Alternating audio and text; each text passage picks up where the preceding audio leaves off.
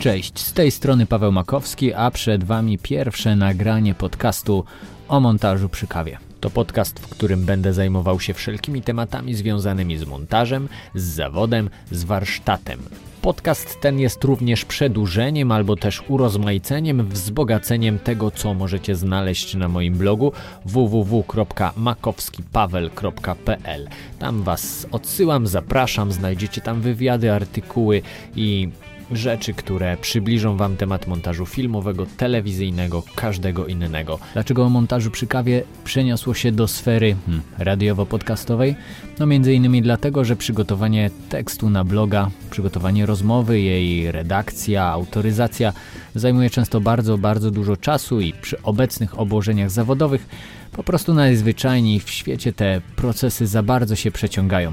Uruchamiając ten podcast, mam nadzieję, że dotrę do Was szybciej z tym całym materiałem, który jestem w stanie stworzyć bo łatwiej mi, hm, jak wielu montażystom zapewne, posłużyć się oprogramowaniem do zmontowania dźwięku niż całą sferą związaną z redakcją tekstu pisanego. Cały pomysł rozpoczęcia nagrywania podcastu o montażu przy kawie zrodził się podczas trwania festiwalu. Montaż Film Festiwal, na którym miałem przyjemność być i porozmawiać z montażystami, którzy otrzymali w tym roku nagrody w dziedzinie montażu teledysku, montażu filmu fabularnego i montażu filmu dokumentalnego.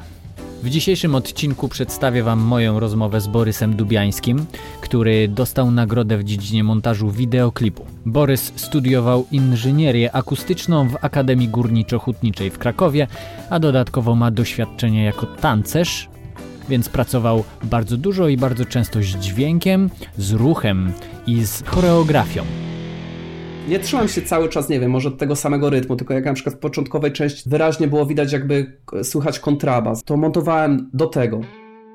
Będziemy rozmawiać o wideoklipie do utworu Kolor Czerwieni, który teraz słychać w tle, zrealizowanym dla Wojtka Modzelewskiego i Piotra Zioła. Wideoklip ten powstał w bardzo dużej mierze z materiałów Creative Commons dostępnych w internecie.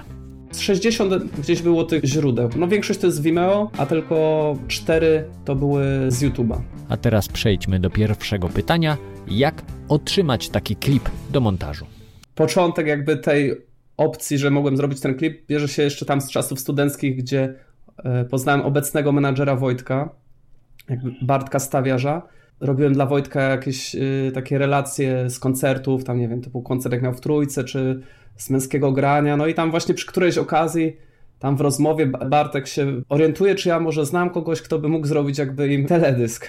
I mówię, że to ja chyba mógłbym coś zaproponować. Przedstawiłem swój pomysł i Wojtek gdzieś tak, jakby gdzieś już mnie tam znając i czuję tą jego muzę, no to powiedział, że jakby to jest spoko. To on też tam jakby coś dodał od siebie, no i jakby zaczęliśmy to robić. Co jeszcze robiłeś przy tym klipie oprócz montażu? No de facto w sumie jakby prawie wszystko. Historia jest taka, że jak gdzieś tam w głowie cały czas mi chodziło właśnie ta koncepcja teledysku, który można na podstawie materiałów z Creative Commons. Jak Hej tak robił teledysk, Zamilska tak robi wszystkie teledyski, czyli to jest spoko, że jakby tam zdanie muzycy też tak robią. Znaczy w ogóle też na marginesie byłem ciekaw, czy w ogóle jak sobie wymyślę jakiś motyw przewodni, czy w tych zasobach w ogóle znajdę tyle materiału, żeby mi się uzbierało na klip. Potem też się zastanawiałem, czy jestem to w stanie, jakby jest tyle tych różnych źródeł, czy to jestem w stanie jakby tak skorygować kolory, żeby to było w miarę spójne. I w tym pomyśle też co mnie zastanawiało, czy to w ogóle się uda. To motyw przewodni punktem wyjścia było miasto nocą. Ile tego było i jeszcze gdybyś wspomniał, z jakich na przykład serwisów korzystałeś? Z 60 gdzieś było tych y, źródeł. No większość to jest Vimeo, a tylko tam cztery to były z, z YouTube'a. Chodziło tutaj o ujęcia, które mają odpowiednią licencję, tak? Żebyś tak, mógł tak. je, no mógł to, użyć. Że może być wykorzystane w celach komercyjnych, ale żeby było że jedyne wymaganie to jest, żeby gdzieś tam w opisie filmu po prostu był wypisany twórca, jakby ktoś chciał znać. Uznanie autorstwa, tak zwane. Mhm. Punktem wyjścia było, że ja myślałem, że robię tylko miks tych ujęć Creative Commons. Tam od strony Wojtka było, żeby też jakby zawrzeć Wojtka i Piotrka. Tam jednego dnia jakby byłem w Warszawie i to w zasadzie dzień przed jakimś koncertem, jak oni tam razem byli, no to nakręciliśmy właśnie w Warszawie coś tam w pokoju hotelowym i tam trochę jakby gdzieś na ulicach Warszawy. No, mając to wszystko, zastanawiałem się, jak sobie to ułożyć w całość. No. no i tak, masz już materiał, masz już nagrane jakieś ujęcia z wokalistą i od czego zaczynasz? Gdzie, gdzie szukasz pomysłu, rozwią rozwiązań, jak to wygląda od początku ciebie? Jakimś założeniem było, żeby to jakaś taka impresja była wideo, jakby, która ma oddać charakter tej muzyki. Puszczam ten utwór, no to widzę, że jak on na początku się tam rozkręca. Wiedziałem, że część ujęć mam statycznych, żeby to się w miarę tak jakby rozkręcało. No to no i w sumie tak wyszło, że pierwsze ujęcia to są jakieś takie statyczne różne kadry, właśnie tak jakieś spokojne jazdy, gdzie jeszcze na tych ulicach za dużo się, się nie dzieje. Czasem jakby też miałem, że niektóre ujęcia już wiedziałem na przykład, y, gdzie mogę zastosować. Gdzieś sobie grupowałem takie efektowe momenty, jak miałem wybuch tych fajerwerków, czy jakichś takich fontan. Gdzieś miałem w głowie taki motyw, że, że tam w pewnym momencie jest taka część utworu, gdzie jest tylko instrumentalna. I w którymś momencie jakoś sobie pomyślałem, żeby to jakoś tak odróżnić, i tak widziałem, że trochę mam, nawet się uzbierało tych materiałów z drona. No i tam jakby miałem pomysł, że, że tą sekwencję instrumentalną będą przedstawiać tylko ujęcia z drona. Ta koncepcja się budowała w trakcie, tak? Czyli gdzieś szedłeś od początku, ale pojawiał, pojawiał się jakiś pomysł przy konkretnych ujęciach, w którym momencie można je użyć. I co, wtedy przeskakiwałeś na przykład na timeline do tego kawałka i go podmontowywałeś, czy pracowałeś raczej chronologicznie? Nie, to raczej miałem gdzieś głowy, że jak pomysł, to może sobie gdzieś już tam jakby, jak te przyglądam materiały już sobie grupowałem, że jak dojdę do tego momentu, to będę wykorzystywał te materiały. Wtedy jakby drugi etap tej selekcji jest, że sobie jakby porządkuję i układam obok siebie wszystkie na przykład te ujęcia, które się mieszczą w tym jakby temacie statycznych ujęć. Potem jak na przykład o jazda pociągiem, przychodzi mi do głowy, że teraz jakby mogę coś użyć z tego i, i, i, układam. No i potem jak już czasem zmieniam te motywy, no to gdzieś jakoś mi się porządkują te grupy, że jakby szybciej mogę między nimi y, skakać. Czyli rozumiem, że wewnętrznie w teledysku mamy wrażenie, że jesteśmy w jedynym mieście, a jest tam ich wiele. E, tak, no jest ich y, no dużo, nawet no myślę, jakiś Hongkong, jakieś miasta europejskie, z Japonii też z Tokio. Takie, jakie były zasoby, starałem się tam wykorzystać. No. Zapomniałem wspomnieć, bo jest też jeden taki, że tak powiem, smaczek, że jest jedno ujęcie przedstawiające mnie w tym klipie. Jak, jak... O, no dobra, to będę szukał. Jak komuś już rzuciłem wyzwanie, to wtedy, to wtedy już, już jakby wertując potrafił znaleźć pracujesz mniej więcej chronologicznie. W trakcie pracy pojawiają się jakieś nowe koncepcje, pomysły, które powodują, że um, porządkujesz jakoś materiał, tak? Tak. I teraz ile mniej więcej jest takich układek? No dochodzisz do końca, ale to nie znaczy, że skończyłeś pracę, tak? Ile, ile podejść, ile czasu nad tym w ogóle spędziłeś, żeby znaleźć ten, ten właściwy rytm? Cały ten klip, jakby tylko tu też jakby w tym się zawiera, no jakby to przeszukiwanie, e, ta selekcja i potem jakby też korek, jakby te ustawianie tych kolorów, no to to gdzieś było 100, 120 godzin, jak sobie tak policzyłem to ja też tak nie mam, że jakby parę wersji jakby robię. Powiedzmy, wiadomo, pierw dążę, żeby jakby zamknąć, yy, skończyć. Staram się co jakiś czas sobie jakby też w całości to obejrzeć, bo to zupełnie inaczej jest, jak się tam ogląda na przykład ostatnie 30 sekund. To czasem zupełnie inaczej jest niż jakby od początku, czyli powiedzmy w miarę pracuję na jakimś tam fragmencie i mi się wydaje ok, ale potem na przykład puszczam od początku i widzę, że coś tam mi się stępie e, w tym kontekście całości, coś bym zmienił. Ale gdzieś tak jakby przy pierwszym montażu to ja gdzieś tak jakby dążę do tego, żeby sobie jakoś tak zamknąć jakby jako całość, opowiedzenie czegoś, jakieś wyrażenie tej muzyki. Także nie wiem ile tych wersji było, no to się powiedzmy była jedna wersja, tylko się tam gdzieś y, no, zmieniała w miarę pokazywania Okej, okay. też, też, też to tak rozumiem w przypadku klipu szczególnie, że y, jest jakby podstawa, natomiast ilość ingerencji później tak naprawdę można by do tego tak podejść, że każda kolejna ingerencja zmienia w jakiś sposób wersję, tak? Tak, ale to raczej były takie delik no, takie delikatne zmiany, które coś zmieniały, ale to dalej była ta koncepcja. Jeszcze takie pytanie mam, ponieważ e, jak wiemy, no, w teledysku bardzo ważny jest ten e, aspekt muzyczny. I u Ciebie ten aspekt muzyczny, y, jakby połączenia obrazu sklejek z jakimiś akcentami, z nutami jest bardzo, bardzo wyraźny. To też nadaje takiej... Dla mnie, kiedy ja oglądam tego rodzaju wideoklip, to mi nadaje takiej, dodaje takiej mocy muzy muzyce. No i teraz, y, jak to u ciebie wyglądało, e, kiedy słuchałeś e, podkładu, tak? Kiedy słuchałeś tej muzyki? Kiedy się łapałeś, za jaki instrument, kiedy y, puszczałeś ten rytm, kiedy trzymałeś się nut, a kiedy jak się z tym rytmem i tempem jak pracowałeś? Miło to słyszeć, no bo gdzieś też jakby zawsze jak oglądam teledyski, to jak gdzieś tam czuję, że one mają podbijać tą muzykę. No i też czasem mnie boli, jak widzę takie wypasione produkcje, a czasem tam jakby zmienia się jakiś charakter muzyki i to jakby nie jest wyrażone gdzieś tam, to trochę jest tak obok tej muzyki, no. Ja tu się tak chciałem wyżyć montażowo, no ale tak jak mówię, jakby każda część muzyki też jak dla mnie, jak słucham, w zależności od fragmentu, jakby coś innego wchodzi na pierwszy plan. Nie trzymam się cały czas, nie wiem, może tego samego rytmu, tylko jak na przykład w początkowej części wyraźnie było widać jakby słychać kontrabas, to montowałem do tego. Generalnie to jest trochę tak jak ja odbieram trochę e, ten utwór mu, jak wchodzi, nie wiem, czy sekwencja instrumentów dętych, to staram się jakby podbić akurat tą daną warstwę, że wchodzą denty. Jak tam na przykład nagle się zaczyna to solo na gitarze, to też jakoś starałem się zmienić, żeby na przykład, no żeby jakby widz zobaczył tą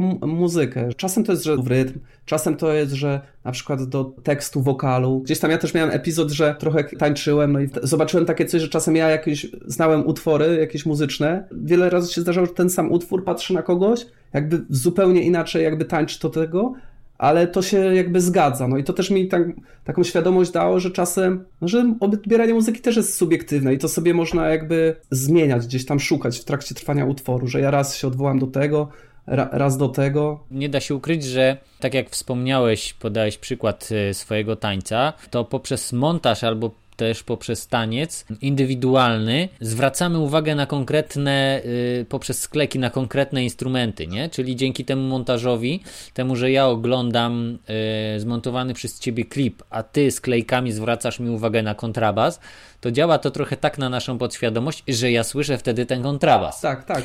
A jak ty mi go odpuścisz i zajmiesz się wokalem albo zajmiesz się innym instrumentem, to mój umysł zaczyna bardziej słyszeć ten instrument, który ty podkreślasz montażem. I myślę, że to też zostało tutaj e, przez jury docenione właśnie to, ta, ta współpraca. Ta współpraca nie tylko pod względem e, rytmu, wyciąganiem e, tym rytmem, rytm sklejek wyciągał poszczególne, nie wiem, instrumenty, wokal, ale też tak jak wspomniałeś, ważny ten dobór ujęć, które ujęcia spowodują poczucie spowolnienia w muzyce, kiedy je wzmocnią, kiedy będą w kontrapunkcie, więc to tam wszystko, wszystko fajnie, fajnie grało. Ale wspomniałeś, że tańczyłeś, czyli miałeś już jakieś doświadczenia z muzyką. Większe.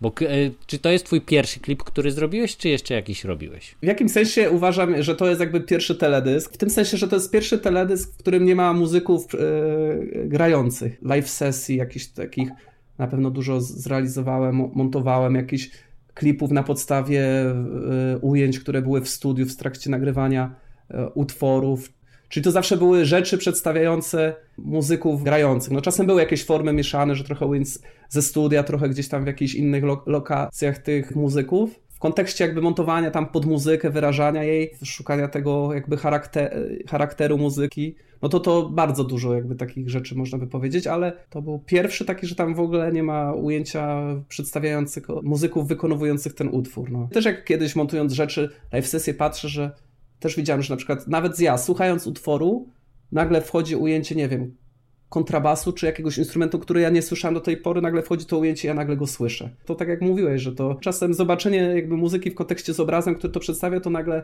e, można, można znać utwór i dopiero nagle jak na wideo się pojawi ten instrument, który e, to, to dopiero dochodzi do świadomości, że, że, że on tam jest. Mówiłeś, że te tańczyłeś. Umiejętności, które nabyłeś w trakcie tego, te umiejętności słuchania muzyki pomagają ci w pracy? Tak, no ja, ja myślę, że to się może przekładać jakby, bo w jakim stopniu to wideo, no to to jest choreografia do tej muzyki, tylko w postaci obrazów, że, że z tego tańca gdzieś mogłem jakby nauczyć się różnorodności interpretacji muzyki. Nie, niektóre choreografie, czy jak się czegoś uczyłem, to niektórzy jakby oddawali charakter muzyki, czasem niektórzy skupiali się stricte na, na, na, na przykład cała choreografia powstawała do wokalu, także gdzieś ja może już też mogłem jakby sobie takie w głowie budować rzeczy, jakby poczucie, co, co jakby według mnie działa, a co działa mniej. Myślę, że ma to jakiś wpływ, że łatwiej mi gdzieś tam sobie interpretować tą muzykę.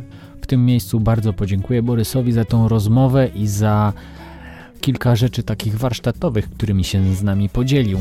To myślę, że to wskazówka dla każdego z nas i warto na to zwrócić uwagę, że em, Borys mówił o trzech ważnych rzeczach. Pierwsza to porządkowanie materiału który mamy do dyspozycji przy montażu wideoklipu.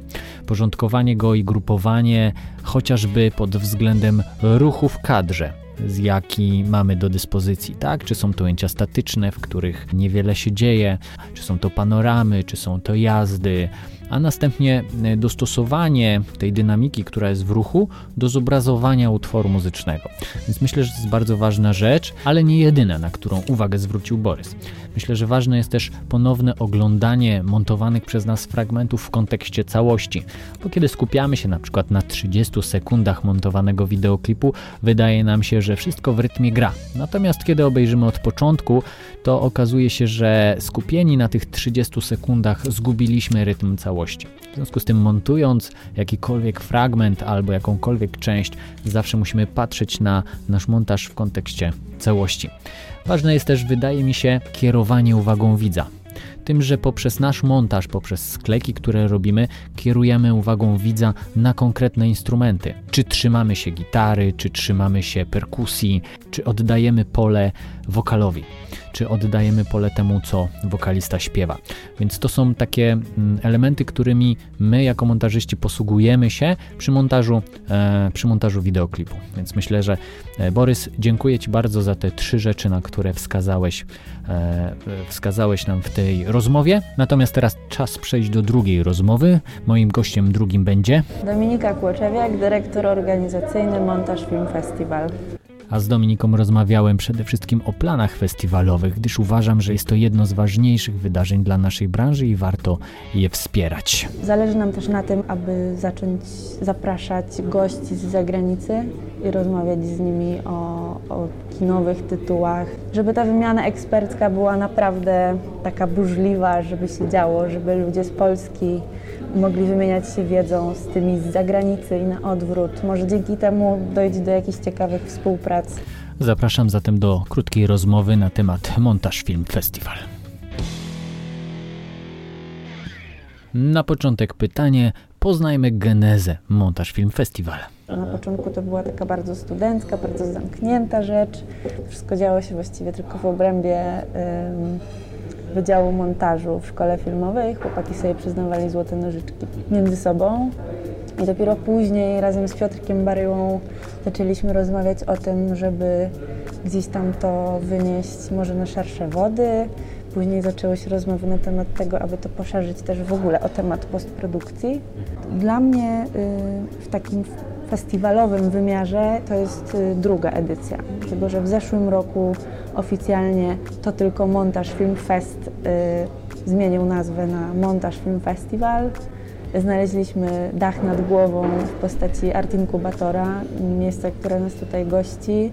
W takim festiwalowym wymiarze to zakładam, że to jest drugi raz. To teraz przenieśmy się dalej, czyli wizja. Bo warto zaczynać z jakąś wizją na początku, żeby mieć energię i motywację do tego, żeby co rok był ten kolejny krok naprzód. To jaka jest ta wizja do której zmierzać? Wizja jest taka, żeby rozwijać to wydarzenie, żeby ono ewoluowało w stronę otwartego, międzynarodowego festiwalu postprodukcji filmowej, gdzie będą z nami właśnie zarówno montażyści, jak i eksperci od postprodukcji, filmy z Polski, filmy z zagranicy. Mam nadzieję, że w przyszłości uda się też konkurs główny poszerzyć o pełne metraże, gdzie będziemy przyznawać nagrody i za montaż, i za korekcję, za efekty specjalne. Zależy nam też na tym, aby, aby zacząć zapraszać gości z zagranicy i rozmawiać z nimi o, o kinowych tytułach, żeby ta wymiana ekspercka była naprawdę taka burzliwa, żeby się działo, żeby ludzie z Polski mogli wymieniać się wiedzą z tymi z zagranicy i na odwrót. Może dzięki temu dojdzie do jakichś ciekawych współprac. Czemu ta dziedzina Cię tak, e, to wydarzenie, czemu Cię tak zainspirowało? Czemu się zaangażowałaś? Taka Twoja wewnętrzna motywacja? Cała postprodukcja jest dla mnie procesem niezwykle fascynującym. Wiele razy miałam okazję uczestniczyć y, przy projektach mniejszych i większych, y, właśnie w montażowni, gdzieś siedzieć obok montażysty, patrzeć na proces twórczy, na to, jak rozmawia z, reżyserem, jakiego rodzaju są to wybory jaka jest droga filmu właśnie po okresie zdjęciowym. Ona się nie kończy wcale po tych zdjęciach. Wiele osób, no nie z branży zwłaszcza, jakby ma takie poczucie, że to zdjęcia są gdzieś najważniejsze. One oczywiście są niezwykle istotne, no ale przecież z tego materiału po planie można zmontować kilka różnych filmów, tak?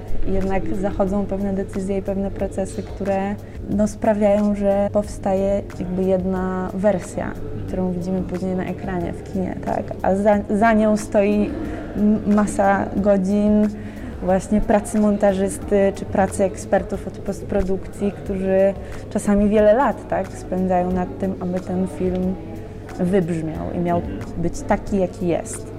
Dla mnie to jest fascynujące i to jest gdzieś ta magia filmu. Wspominałaś o ekspertach postprodukcji. Jakie jeszcze dziedziny, zawody macie gdzieś w głowie, jeżeli chodzi o to, żeby zaangażować również e, inne środowiska?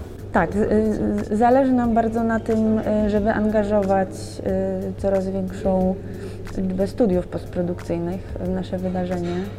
Mm, jesteśmy bardzo szczęśliwi z tego, że w tym roku y, zaangażowało się w to DI Factory. Będziemy mieć dzięki nim szansę na to, żeby prześledzić proces y, powstawania efektów specjalnych do zimnej wojny. Oprócz tego w trakcie festiwalu też skupiamy się na kolor korekcji. Także to są na razie takie dwa najważniejsze tematy, które dziś poruszamy, jeśli chodzi o tą, o tą postprodukcję. Ale mam nadzieję, że, że z roku na rok będzie tego coraz więcej.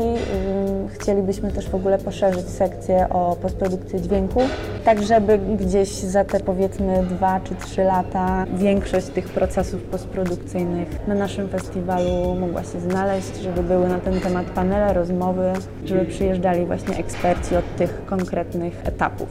Tak jak usłyszeliście, Montaż Film Festiwal ma szansę, ba, będzie bardzo ważnym wydarzeniem w branży. Będzie bardzo ważnym wydarzeniem artystycznym, który pokazuje, jakie znaczenie ma cała branża postprodukcyjna, czy też po prostu zawód montażysty e, w ramach powstawania filmu. Nie pozostaje mi nic innego jak rzec towarzysze, jeżeli ktoś z Was może dorzucić swoją cegiełkę do rozwoju tego wydarzenia, to dorzucajcie. Zawsze wszystkie najfajniejsze wspomnienia związane z festiwalem to są dla mnie te, kiedy po kolejnych gdzieś warsztatach czy spotkaniach, projekcjach yy, podchodzą do mnie ludzie, albo kiedy ja przechadzam się wśród publiczności i po prostu słyszę rozmowy na temat tego, co się właśnie wydarzyło, kiedy są to pozytywne opinie kiedy właśnie ktoś przychodzi do mnie rozemocjonowany i mówi wow, słuchaj, w ogóle ta rozmowa z montażystą była niesamowita, otworzyła mi oczy, super był przygotowany ten masterclass. Jakby, kiedy to słyszę, to sobie myślę tak, właśnie o to nam chodzi nie? i po prostu musimy robić tego więcej. A jeszcze pozostając w temacie cegiełki, Dominika sama podkreśliła. Na pewno zawsze bardzo pozytywne jest, kiedy ludzie odzywają się do nas sami z siebie. Zatem, bracia i siostry, porzućcie myśl, czy aby na pewno możecie dać coś od siebie i napiszcie po prostu do zespołu Montaż Film Festival ze swoim pomysłem, propozycją albo koncepcją. A już w kolejnym podcaście porozmawiamy m.in. z reżyserem filmu fabularnego, który otrzymał nagrodę na ostatnim Montaż Film Festival. A jest to bardzo ciekawy przykład filmu, w którym montażysta musi wyjmować pewne rzeczy, żeby pozostawić w nim niedopowiedzenia. To było cięższe, żeby właśnie jakby jak zawsze w tym montażu jednak podstawą jest to, żeby trzymać tego widza za, za rękę i go czysto prowadzić przez te sceny, żeby wiedział co się dzieje, to tutaj trzeba było właśnie schodzić tak naprawdę. Ale, ale jest na pewno parę takich rzeczy, które nie weszły do filmu, a mogłyby tą historię właśnie trochę e, bardziej nie uprościć, ale jakoś... Zrobić to bardziej dosłowną. Bardziej dosłowną, tak. A to by mogło akurat w tym wypadku trochę zaszkodzić filmowi całemu. No. Montaż to właśnie taka ciekawa zabawa z widzem. Co ci powiem, czego ci nie powiem, gdzie pozwolę ci się domyślać, gdzie powiem ci dosłownie, jak będę bawił się tymi elementami, żeby uzyskać efekt, na którym zależy mi i reżyserowi. Tymczasem, jak to stało się w dzisiejszych czasach modne, zapraszam cię do zasubskrybowania tego kanału, do zapisania się, abyś dostawał powiadomienia o każdej kolejnej audycji. A tymczasem zapraszam także cię do tego, abyś napisał, abyś napisała do mnie kilka słów na temat tego, jak słuchało ci się tego podcastu, co warto w nim zmienić, co warto do niego dodać. I do usłyszenia następnym razem. Pozdrawiam.